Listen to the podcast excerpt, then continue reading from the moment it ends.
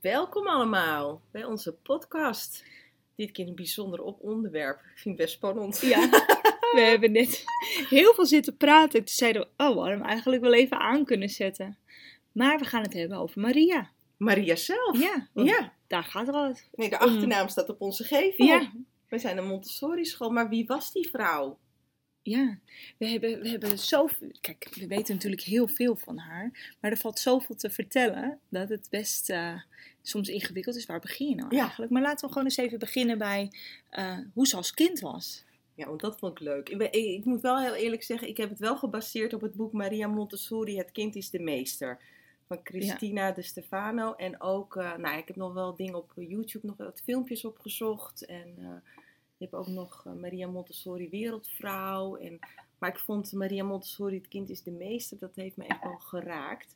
En daarin staat dat ze, toen zij naar school ging, als eh, lagere schoolmeisje, want ja, je ging pas naar Ja. school rond zes jaar, dat zij niet zo fijn was in de klas. Ze was heel rebels. Zeker. En ze wilde niet op die manier leren. En ze wilde niet meer naar school. Ze kon er het plezier niet meer in vinden. Ik kreeg zelfs migraines. Ja, Hele Ja. lange tijden niet naar school gegaan. totdat het bericht kwam dat eh, meisjes ook naar de technische school mochten. En toen ineens sloeg het om. Toen kreeg ze drive. Ja, Ja, en, want dat wilde ze heel graag. ja ze wilde verder. Want ze Ja. voelde op jonge leeftijd al aan dat het ehm geplaveide leven, wat je toen in Rome In die tijd, ja. leefde. Je was vrouw, een meisje, je werd vrouw, Ja. je ging trouwen. Je kreeg kinderen. werken, opleiding. Nee, je liep met een mooie hoed en een lange jurk, want zij kwam wel uit een go- goede familie. Ja, Mijn vader die was ook eh, betrokken bij het eh, departement van Financiën en zat in de regering. Ja, en haar moeder die was wel thuis. ja. Maar dat is niet wat zij voor ogen had Nee. voor zichzelf. Nee. En ze ronde hem af, die technische school. Ja. Toen wilde ze verder studeren. En eigenlijk vond haar vader dat helemaal niks. nee. Haar moeder stond wel achter haar en toen is ze dat gaan doen. Maar ze wilde ehm, geneeskunde studeren en dat mocht nog niet. Nee, ze had Maar- de diploma's er ook niet voor. Nee. Te laag geschoold. Maar ze was zo slim dat ze dus een omweg heeft gevonden om eerst natuurwetenschappen te gaan studeren, om zo uit te komen bij geneeskunde. Ja, want eigenlijk had haar vader op een gegeven ogenblik wel gezegd van, nou, naar die technische school, dat kan niet als meisje. Je kan wel naar de kweekschool, Ja. maar ze wilde geen juf worden. Nee, Want nee. daar had ze een hekel aan, Ja, aan al die onderwijzers, want ze had geen leuke schooltijd gehad. nee. En ze heeft. ehm, eerst is ze nog een tijdje bezig geweest met het ontleden. En toen bleek ook dat ze dat helemaal niet bij zich vond passen. Tot ze zich ging richten op eh, de, psycho, eh, de psychologische kant daarvan. Dat vond ze dus heel erg interessant. Ja. In hoe mensen doen, denken, waar hun gedrag vandaan komt. Ging En stage lopen ja, bij eh, de psychische afdeling, psychiatrieafdelingen. En, en daar werd ze geraakt. Daar kwam het stukje onderwijs eh, terug. En toen is ze heel erg bezig geweest met de onderzoeken van Seken. Ja. En eh, op basis daarvan is ze met de zwakzinnigen uit die inrichting aan de slag gegaan. Ja, want in die tijd in Rome was de kindersterfte gewoon mega hoog. Hè? Eén op de twee kinderen overleed eh, van armoede en ehm, slechte hygiëne. En kinderen moesten heel vroeg werken, werden Ja. gebruikt om eh, de schoorstenen te vegen. Ook niet het meest gezonde werk. Bedelen, veel seizoenwerk, veel op het land. Ja, en dat was niet goed. En er was veel overlast ook van de kinderen in de wijk. Ja, zodra die oudere broers en zussen terugkwamen, dan keerde de rust wel weer terug. Maar zodra die oudere broers en zussen op school zaten en de ouders aan het werk waren en het jonge kind, en dan hebben we het over kinderen tot zes jaar, Ja. ja, dat, dat was op straat aan het zwerven. En het, er was al veel armoede en leegstand, maar ze waren echt eh, de boel aan het verstieren daar. Ja. en dat kon niet vanuit de gemeente. En ja, die kinderen moesten opgevangen worden totdat die broers en zussen thuis waren. En daar is Maria toen voor gevraagd. Omdat hij toen al bezig was met hoe ga je om met armoede. En niet eens zozeer met onderwijs, maar wel met Norm, normalisatie. Een daar is ze Opvoeden. uiteindelijk wel. verzorgen. Ja. ook vanuit haar artskant. Daar is ze mee bezig Ja. geweest. In, En dat heette ook toen kinderhuizen. Hè? En dan kwamen ze ook binnen om eerst maar eens gewoon je handen te gaan wassen. Ja. En een schoon schort aan te trekken waar dan knoopjes in zaten. Ja. En eh, je schoenen te poetsen. Want ja, zo vies kon je niet binnenkomen. En daar komen al die wellevendheidlesjes wel vandaan. En ehm, je ziet eigenlijk dat het nu, in deze tijd, weer nodig is. ja, en ik wil niet Ja. zeggen dat de kinderen nu zo vies zijn of Nee. armoedig zijn als toen, helemaal niet. Maar de, de nadruk Ja. wordt er wel weer nu op gelegd door ons. Ja, en dat komt denk ik doordat we misschien nu de, soms de andere kant op slaan. Dat we veel aan het pamperen en curlen zijn. Mm, dus d- ja, daar maken we veel gebruik van nu. Maar het komt inderdaad wel daar vandaan. We hadden eventjes een eh Efteling muziekje er gezelliger doorheen. Sorry. Nee ja, hoor, hoort er ook gewoon bij. Iets met je telefoon uitzetten. En dit was best iemand die, nou ja, jammer joh. Bellen we straks nog een keer. Maar goed, ja, daar kwam het vandaan. En uiteindelijk bleek dus dat door wat zij deed, en niet eens door het echt dus te zeggen, want ze deed vooral heel veel aan observeren en weer eventjes terugtrekken, gewoon kijken wat er gebeurde, ehm, dat die kinderen dus gewoon compleet genormaliseerd waren Ja. op een gegeven ogenblik. En dat had ze wel uit de onderzoeken van ITAR en Sequen met hun didactisch materiaal van toen had ze wel ontdekt. Ja. Ehm, hè, want vanuit die psychiatriekant had ze dat onderzoek gevolgd. Ehm, en daar had ze wel heel veel eh, van meegenomen en zelf laten maken door de arbeiders ter plaatse. Maar ze zag ook dat, en dat was voor haar een openbaring, dat het normale kind, want zij, daar werkte ze mee in die kinderhuizen, het zelf konden pakken Ja. en ook terug konden ze- zetten. En dat er geen volwassene nodig was om te zeggen: Dit heb je nu nodig. Want die kinderen deden dat uit zichzelf. En dan kon er een feestje gevierd worden. Maar als dat kind ge- geboeid was door die activiteit, door die handeling, dan werd het niet gestoord. Dan Nee. ging het daar niet uit. En ik moet zeggen dat ehm, in het boek van Celine Alvarez, De Natuurwetenschappen van het Kind, die beschrijft dat ook, maar dan bijna een eeuw later. Ja, die heeft ook gaat. zo'n mooi onderzoek gedaan daarna. Eigenlijk een beetje hetzelfde. In een achterstandswijk. En dat is ook wel heel interessant inderdaad om te lezen. Dat is eh, de, de natuurwetten van het kind. Ja. En daar zijn ook TED-talk filmpjes over. eh, Ja. In ieder geval. Maar om weer even terug te pakken. Zij, zij merkte dus heel erg die intrinsieke motivatie op. Ehm, en uiteindelijk werd het pas echt beroemd, omdat dus bleek dat die kinderen ook aangaven dat ze wilden gaan leren schrijven en Ja. gaan leren lezen. Ja. En iedereen dacht dat dat niet mogelijk was. En Marie zei dat is echt mogelijk. En eigenlijk wilde ze het niet, want ze wilde vooral niet iets maken wat op die lagere Nee. school leek. Dus die ABC-boekjes, die wilde Nee. ze echt niet. Maar ze had wel zoiets van, de behoefte is er wel. Dus, Ja. en, te- en dat is zo mooi dat die kinderen dat zelf hebben aangegeven om te doen.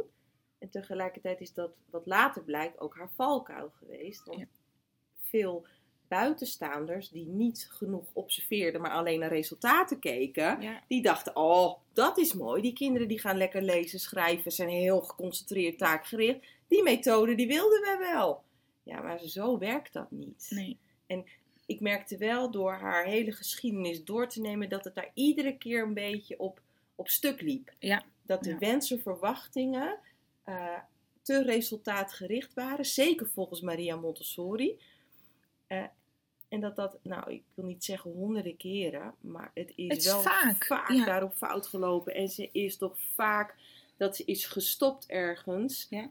En verderop ergens weer is gevraagd om het te doen. Of dat ze zelf dacht van hier kan ik het wel weer proberen. Maar ze is heel vaak opnieuw begonnen. Ja. En ehm, dat is enorm te waarderen. Je ziet er wel in een enorme drijfveer. Ja. En ze staat echt achter haar ideeën.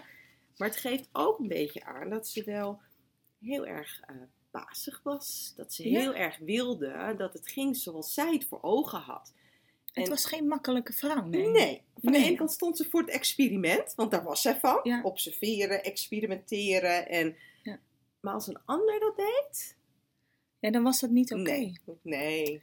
En zij koos ook heel zorgvuldig uit wie het wel en niet mocht doen. En dat, ehm, is wel echt ontzettend leuk ook om te lezen, omdat uh, Helen Parkers, daar heeft ze mee gewerkt. Ja, mooi hè? Maar die ging op een gegeven moment uh, een andere opleiding, een studie ernaast doen. En dat kon niet volgens Maria. Nee. En toen is ze toch gebonjourd. Ja, ik vind het ook een bijzonder verhaal van die Helen Parkers, want die is van het Dalton-onderwijs, Ja. zoals we dat nu eh, nog kennen. En ehm, we hebben hier ook het, eh, het eh, HP, Ja, Helen Parkers. Helen Parkers. College. Ja. En, maar dat is zo mooi, want dat was in de tijd dat ze in Amerika was. En ehm, daar was ze opnieuw, want ze ging eigenlijk de oorlog ontvluchten in Italië. Ja. Want anders moest, eh, ja, dat is een apart verhaal hoe Mario haar zoon daarin verwikkeld is. Dat is Ja. een, een aparte podcast, Mario. Ja. Maar ja, die moest het leger in, dat wilde ze niet. Dus ze Nee. ging eigenlijk vluchten met Mario naar Amerika. En daar was een van haar leerlingen, Helen Parkhurst. En die ze, had ze niet zo hoog zitten als iemand anders. Maar wel heel hoog, want ze, ja, die mocht de glazen klas leiden. Zoals wij nu de observatieklasse kennen. Ja. Werd juridisch vertegenwoordiger. Maar toen Helen Parkhurst haar eigen ideeën had... Nee, Nee, inderdaad. nee, toen ging het niet. Nee. En ze heeft het ook nog een tijd in Spanje geprobeerd. En dat liep uiteindelijk ook niet. Toen is ze weer teruggegaan naar Italië. Nou, daar is het toen wel redelijk van de grond gekomen weer. Omdat iemand zoiets had van... Ja, maar dit blijven gewoon hele goede ideeën. Daar moeten we echt mee verder. Daar moeten we echt wat mee. Ja. Het mooie is dat daar ook het, het- de naam Mussolini vandaan komt. Hè? Want van de ene kant lukte heel veel dingen niet. Eh, ze is echt nou, ook op depressief eh, geweest. Vaak eh, tegen een zenuwinzinking aangeweest. Als ze dat niet ook echt had. Ehm, en is daarin ook heel vaak teruggekeerd in haar geloof. Dus van de ene kant, ze was super gelovig. Ja. Wilde bijna eh, het klooster in.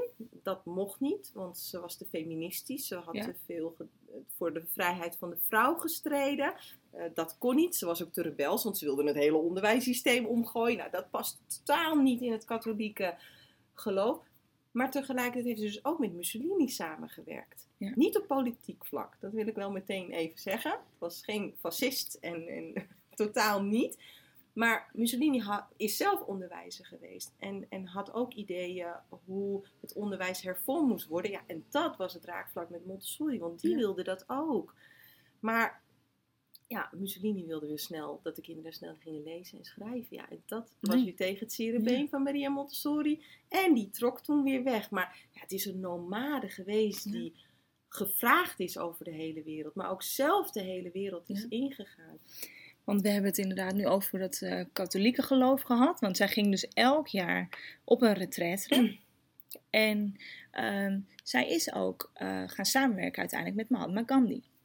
Er staan best wel wat eh, stukjes in, in haar biografie die echt wel gestoeld zijn op het boeddhisme. Vooral over het, ehm, het vinden van je hogere zelf. Het accepteren van alles wat er in jouzelf gebeurt en om je heen. En eh, daar die vrijheid in ervaren, zodat je ook echt de kinderen kan zien en voelen op Ja, dat vooral- vlak. Ja, vooral de houding van Ja. de leidster. Hè, want het, Ja. dat werd het op een gegeven moment. Het woord leidster werd gebruikt. Daarin vind ik al die termen, veel termen van het boeddhisme terug. Maar ook van het mediteren, Stiltelessen. stilte Ja. lessen. Maar vooral blijf bij jezelf. Ja. Dat, die houding van die leidster, ja, die, die vind ik daar echt in Ja. terug. En ze heeft ten tijde van de Tweede Wereldoorlog, die in Europa was, heeft ze echt in India gezeten. En eh, ja, daar is het hele kosmisch onderwijs bijvoorbeeld begonnen. En daar heeft Mario weer een heel groot aandeel in. Want de eh, botanische puzzels die we hebben, die komen daar vandaan. Want daar waren prachtige planten en bloemen. En ja, zo is dat onderdelenwerkje daar vandaan gekomen. Dus ja, Ja. het is toch echt wel mooi. Maar het feit dat ze eh, per ongeluk zwanger is geworden. Ja. Want dat was echt een foutje. Want je, dus ze mocht, kon Het kon gewoon niet, want Nee. ze was niet getrouwd. Nee, en ze konden niet verder Nee. met, met de missie. Want Nee, dat was het, ja. een missie. Dus ja, dat kind dat is ook weer weggegaan. Dat, dat, Dat is bij zijn vader. Is dat... Nou, nee, joh, nog in, bij een voedster heel erg ver buiten. ja. Kreeg een andere achternaam. Een, een eh, verzonnen achternaam. En eh, vader, die heeft het op een gegeven moment wel erkend. En ehm, hem opgezocht. Maar Maria niet, want zodra Maria in beeld was, dan, ehm, nee, dat, dat kon niet. Nee. Want dan zou ze alles verliezen wat ze had opgebouwd. Ja, Giuseppe Ja. Montesano. Daar had ze een, dat was een Ja. collega van haar. En daar, eh, dat is de vader van Mario. Ja. En haar moeder was heel fel er ook op dat tegen. dus. Nee, want dat kon Maria niet ontwikkelen. En toen haar moeder overleden was, toen heeft ze hem opgezocht. Ja, eigenlijk En- ontvoerd. Dat is Ja. ook zoiets. En eigenlijk heeft hij daarna nooit meer contact gehad met zijn vader. Nee, helemaal niet. En ook bijna niet met die voedster die Nee. eh, met haar gezin over hem heeft ontfermd.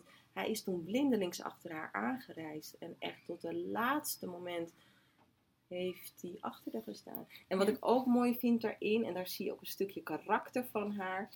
Zij was echt de vrouw van de wereld. Ze was wereldberoemd. Vond Mussolini ook niet zo leuk trouwens. Ze werd aanbeden. Er werden reizen betaald. Dat ging nog Ja. stoomschip. Want we praten over... eh, Weet ik veel begin geleden. ja. 1900. En eh, koetsen en dat soort dingen. En dan kwam Mario op een gegeven ogenblik ook in beeld. En eerst werd zij altijd ontvangen. Maar het waren vooral vrouwen die naar haar luisterden. Want het waren juffen, onderwijzeressen. En die gingen daarna naar Mario. Nou, dat vond ze ook niet zo grappig Nee. hoor. Nee, want het was haar zoon. En dat merk je ook wel wanneer hij eh, getrouwd is op een gegeven moment. Zij blijft zich er constant mee bemoeien. En ook met de opvoeding van haar kleinkinderen heeft ze zich heel strak mee Ja. bemoeid. Wat ook mooi is, dat vind ik ook, vond ik ook zo gaaf. Ik, ik ratel door, ik weet het, maar ik vind het zo mooi. Die kinderen van Mario, hij heeft er vier gekregen, die werden de Montessori poppetjes genoemd. En eh, ik denk dat dat mede komt omdat ze echt nou, blanke huiden hadden, echt bijna wit. En eh, ze observeerde ze ook Ja. alsof het haar persoonlijk laboratorium was. Want Ja. eigenlijk waren al haar kinderhuizen wetenschappelijke laboratoria met echte kinderen. Maar ze gebruikte Ja. ook haar kleinkinderen. En eh, ze is bij de bevalling van eh, de eerste ook geweest. En hoe zij dat toen heeft beschreven, want het is wel mooi dat ze alles heeft gepubliceerd of ergens heeft vastgelegd.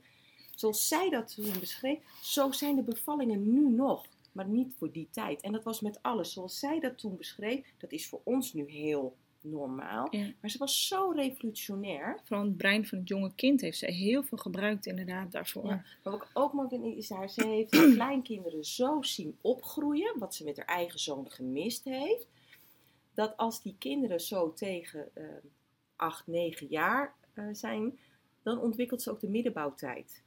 En Ja. wanneer die kinderen wat ouder zijn, ontwikkelt ze het bovenbouwmateriaal. En zodra die kinderen adolescent zijn, 14, 15, 16 jaar, is ze die tijd gaan ontwikkelen. Dus ze heeft die kleinkinderen werkelijk gebruikt. Om haar hele visielijn uit te schrijven. Ja, ja. En daar had ze tijd tekort voor.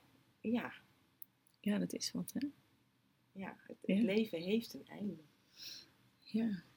En ik, ik heb ook zo'n mooi, ik heb hem onderstreept hoor.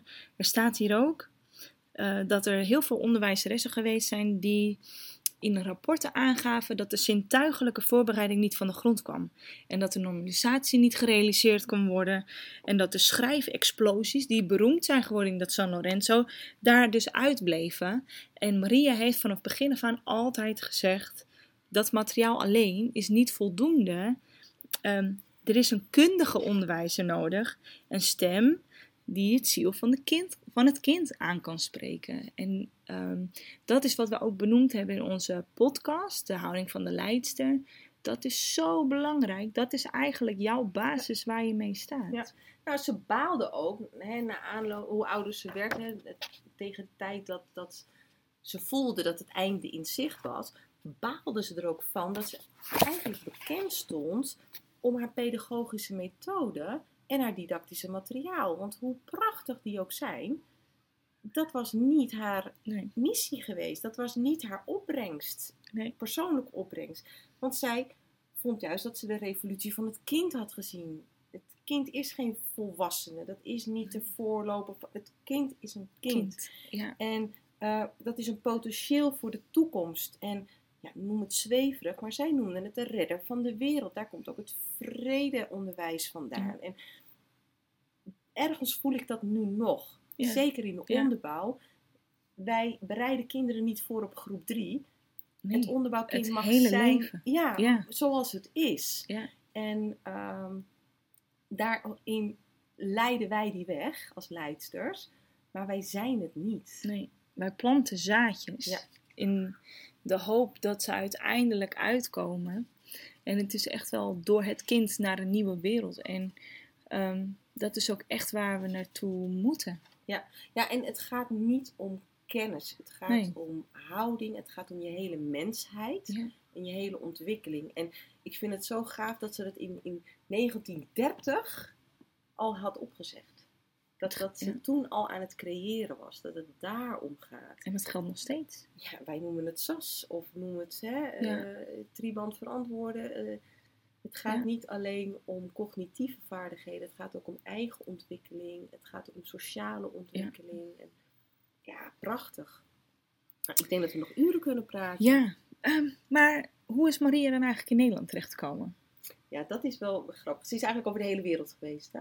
Ja, dat is Er- waar. er is Ze heeft eigenlijk- veel gezien. Ja, er is, ik denk dat ze alle werelddelen heeft gezien. Sowieso zijn mensen uit de hele wereld naar haar gekomen. Want zij was in eerste instantie helemaal niet reislustig. Want ze sprak alleen Italiaans. Dus Ja. een beetje lastig over de rest van de wereld. Maar ze is wel in heel veel landen geweest. Ja, het mooie is, even kort door de bocht. Ze is uitgenodigd door Ada Pierson, een van haar leerlingen, om naar Nederland te komen. Ehm, in Nederland waren we al aan het hervormen, het onderwijs. Dus wij stonden open voor vernieuwingen. Ja, en de universiteit die steunde haar ideeën. En ehm, die zag er wetenschappelijke waarde in. Ja, en dat is voor Maria, daar was ze naar op zoek. Ze wilde opleidingscentra starten. Ze wilde voorbeeldscholen starten. En dat politiek in Nederland was daar klaar voor. Dus ja, ze kwam en eh, toen al de Nederlandse inspectie, die wilde ook controle op die Montessori scholen. Ja, dat deed Maria zelf. Dus zij kwam. Ja, en, en Ada Pierson had geld. Tenminste, ze kwam uit een rijke familie. Dus ze mocht daar wonen. Ja, want ze was nomade. Ze had niks. Ze had geen huis, geen geld, niks. Dus ze is daar binnengekomen. En ehm, hè, ook de internationale Montessori-vereniging, de AMI, die in Rome heeft gezeten, en eh, eh, Berlijn en Barcelona, is uiteindelijk in Amsterdam gekomen en zit daar nog steeds in het oude pand van de familie Pierson. Ja. En dat was in Amsterdam, maar ja, de familie Pierson had ook huizen in Baarn en Laren. En daar zijn alle kleinkinderen ook verder opgegroeid en naar Lycea gegaan. En er was ook een buitenhuis in Noordwijk aan Zee. Oftewel Ja. het huis aan zee, waar ze uiteindelijk is overleden. En waar Tussen de bloembollen aan het ja. strand. En dus ook is eh, begraven. begraven. Ja, Want ze wilde begraven worden daar waar ze was overleden.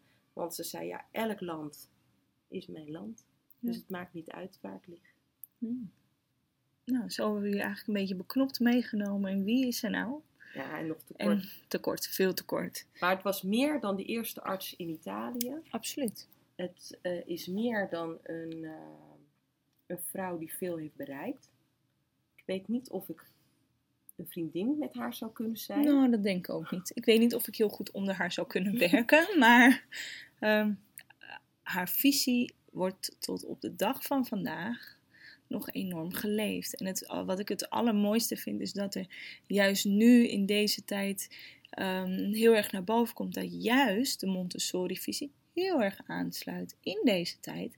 En dat het regulier onderwijs, of zoals we klassikaal leren, dat het helemaal niet meer zo is van Nee. deze tijd. Nee, En dat zij dat dus al ruim een eeuw geleden Heeft voorzien. Ja. Ja. En, en tot slot, de auteur van het boek Maria Montessori, Het kind is de meester, die schrijft ook nog in zijn nawoord, was Maria gek toen ze jong was of slim toen ze oud was?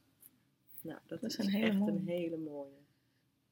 Nou, ik hoop dat jullie met plezier geluisterd hebben. En nu dat we jullie ook eens nieuwsgierig Ja. hebben gemaakt, dat je verder gaat kijken wie Maria Montessori nou was. Inderdaad. En mocht je nog even gemist hebben waar je dit allemaal kan lezen. ehm, het boek heet Maria Montessori, Het kind is de meester. En geschreven door Cristina de Stefano. Dat is gewoon een heel fijn boek. Want zij heeft gebruik mogen maken van al die eh, familiestukken. eh, die Archieven. archieven en noem maar op. Ja. Dus dat is echt een aanrader om te lezen. Eh, en hij leest ook fijn weg. Dat scheelt ook. Ja, absoluut. Zeker weten. Zeker weten. Nou, tot de volgende keer.